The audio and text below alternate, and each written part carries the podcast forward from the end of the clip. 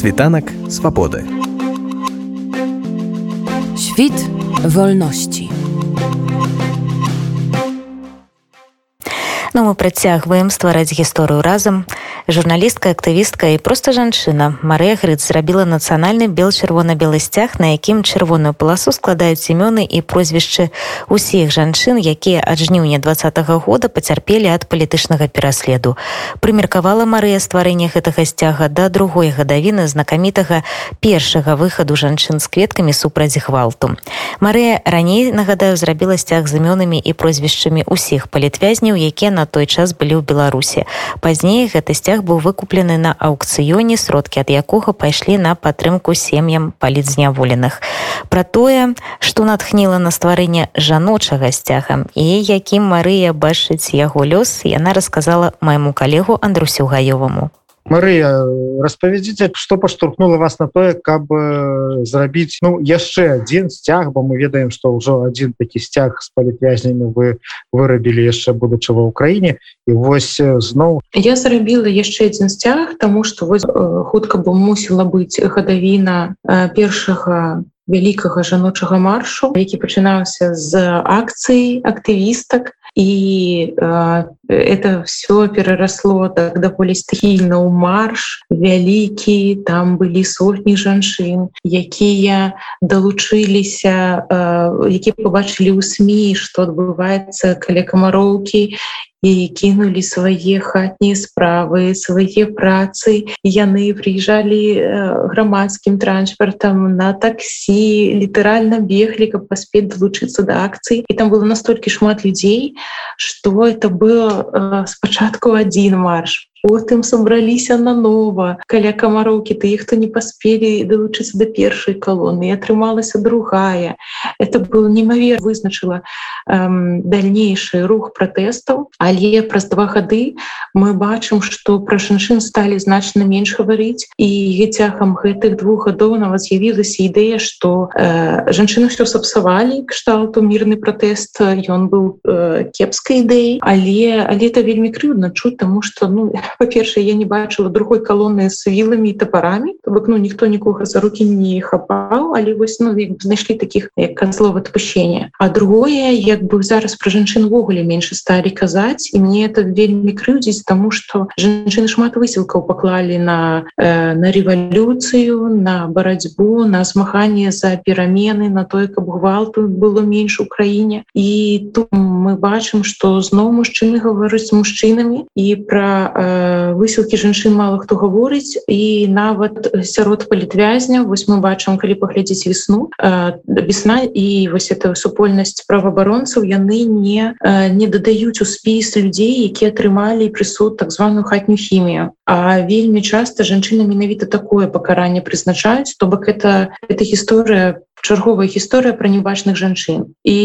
і калі я взялася за эту справу я думала что там будзе э, каля 100 імёнаў. Я была вельмі ўражаная тому что э, вось на дзень калі я писала это было 588 асобаў. Это нашмат больш чым я думала чым напэўна хто заўгодна думае калі думае пра жанчын якія пацярпелі ад крымінальнага пераследу. Там не толькі тыя хто атрымаў хатнюю хімію але і тыя хто знаходзіцца э, у калоніях тыя хто э, яшчэ чакаюць. То бок это усе жанчыны якія пацярпелі ад крымінальнага пераследу пра якіх вядома праваабаронцам А вось адкуль у цябе была эта інфармацыя? Тому что калі ёсць спіс палітвязняў то там ну ён як бы ёсць і там можна задаць у пошуку знайсці ўсіх жанчын.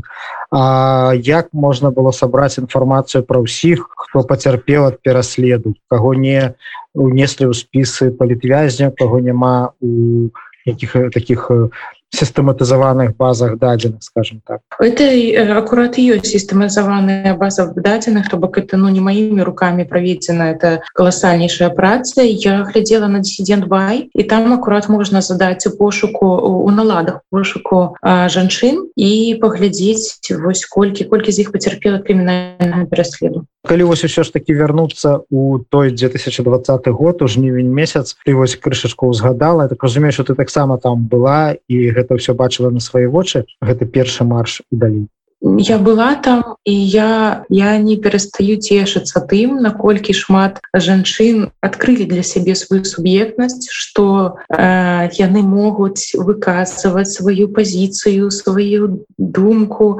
адстаивать свае перакананні что э, ніякія спрэчкі не мусяць э, вырашацца гвалтам. І на э, на той дзень на 12 ўжо было вядома про трайковскага першага загінулага і это не боль я памятаю наколькі это было дарэчна і своечасова калі жанчыны выйшлі і вось гэтая пагалоска потым выходзілі жанчыны не толькі ў мінску у розных гарадах і нават э, мястэчках. Это было это была такая з'ява усе беларуская. І я памятаю что весь свет гаварыў тады про беларускіх жанчын неймаверных про тое что у беларускай рэвалюцыі жаночы твар. Вось то бок это была такая з'ява неймаверная не толькі для беларусі а для ўсяго свету. Это быў шок что так шмат моцных жанчын так шмат жанчын знайшлі ў сябе моц э, у тых э, рэпрэсіях якія толькі набіралі свой размах але ўжо былі вельмі такія сур'ёзныя не пабаяліся ісці пратэставаць супраць гвалту. І я памятаю колькі я там бачыла жанчын у якіх былі дзеці. Я напісалі плакаты что кшталту у мяне дома чакае трое дзяцей няўжо вы мяне схопіце за тое что я супраць гвалту? Ну і мы памятаем что як бы э, з цягам часу жаночыя маршы пачалі э, разганяць так жа моцна як і усе іншыя вось калі ўлада ўжо зразумела что жанчыны маюць суб'ектнасць что жанчын шмат что это не нейкая придумка думка на один раз. Вось то бок это это драматычны лёс. А як ты лічыш калі бы ну, мы памятаем что адбылося 9 10 11 і калі бы вось тады першы раз так масава выйшлі не жанчыны выйшлі ну мужчыны альбо выйшлі там усех хто можа. Як бы рэагавалі сілавікі? Ці быў бы такі вынік?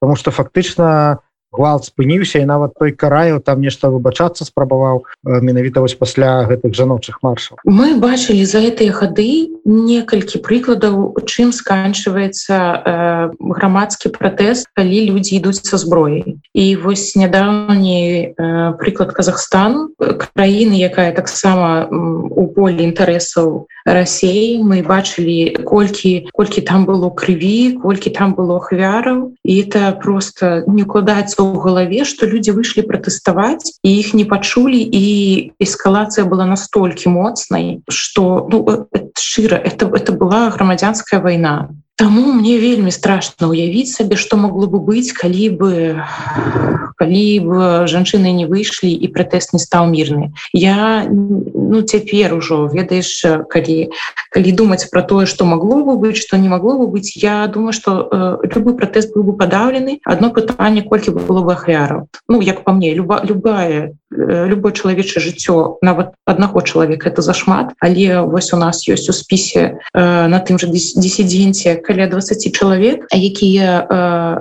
развіталіся з жыццём э, папалі ну, там розная розная гісторыя але так ці іначай як бы праслежваецца дзеянне э, сілавікоў на іх. І я думаю что это эта лічба была бы на порядок выше як мінімум калі б калі б маршы э, калі бы пратэсты не былі мірны дзе зараз вы гэты сцяг? Я ведаю что той першы сцяг зараз у музеі новоствораным А вось гэты твой твор дзе зараз яго можна пабачыць ці яго таксама можна набыць які яго далейшы лёс? Я па шчырасці вельмі вельмі цяжка развітвалася со сваім першым сцягам тому что это была такая інтымная праца але я вельмі радая была что такая пайшла пасля таго як я яго вось показала у Киеве і я радая что тады шмат увагі атрымалася перацягнуць на на палітвязняў наколькі іх шмат зрабіць іх бачнымі. Вось і дапамагчы сем'ям палітвязняў. Але вось гэты сцяг я я никому не хочу аддаваць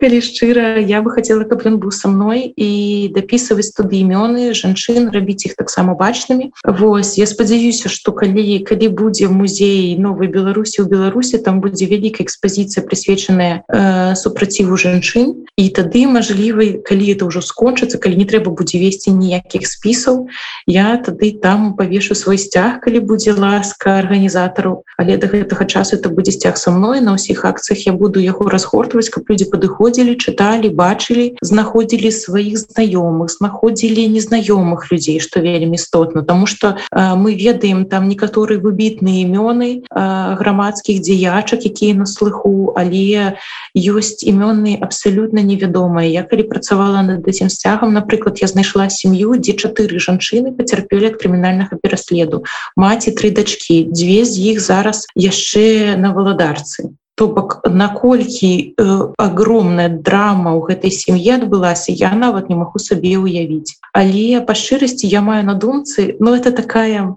мара моя. Зрабіць яшчэ адзін сцяг. Я бы хотела напісаць імёны ўсіх рэпрэсаваных. Э, усіх хто пацярпеў от улады хто быў э, за атрыманы хто быў хто быў збіты у каго атрымалася ўцекчы ад ад чорных рук сілавікоў. Я разумею что эта гісторыя нават не пра тысячу не пра дзве не пра 10 это гігантская лічба але я адчуваю такую адказнасць что калі ўжо взялася за захаванне памяці захаванне імёнаў я зраблю ўсё каб як мага болей імёнаў было. І я спадзяюся что с этим велізарным сцягам атрымаецца прайсці о новой беларусі по галоўнаму праспекту яго разгарнуць каб увесь свет побачыў колькі беларусаў пацярпела уклалося змагалася усе гады якія ўжо прайшлі і якія яшчэ предстаяць нам змагацца за тое каб у беларусі адбыліся перамен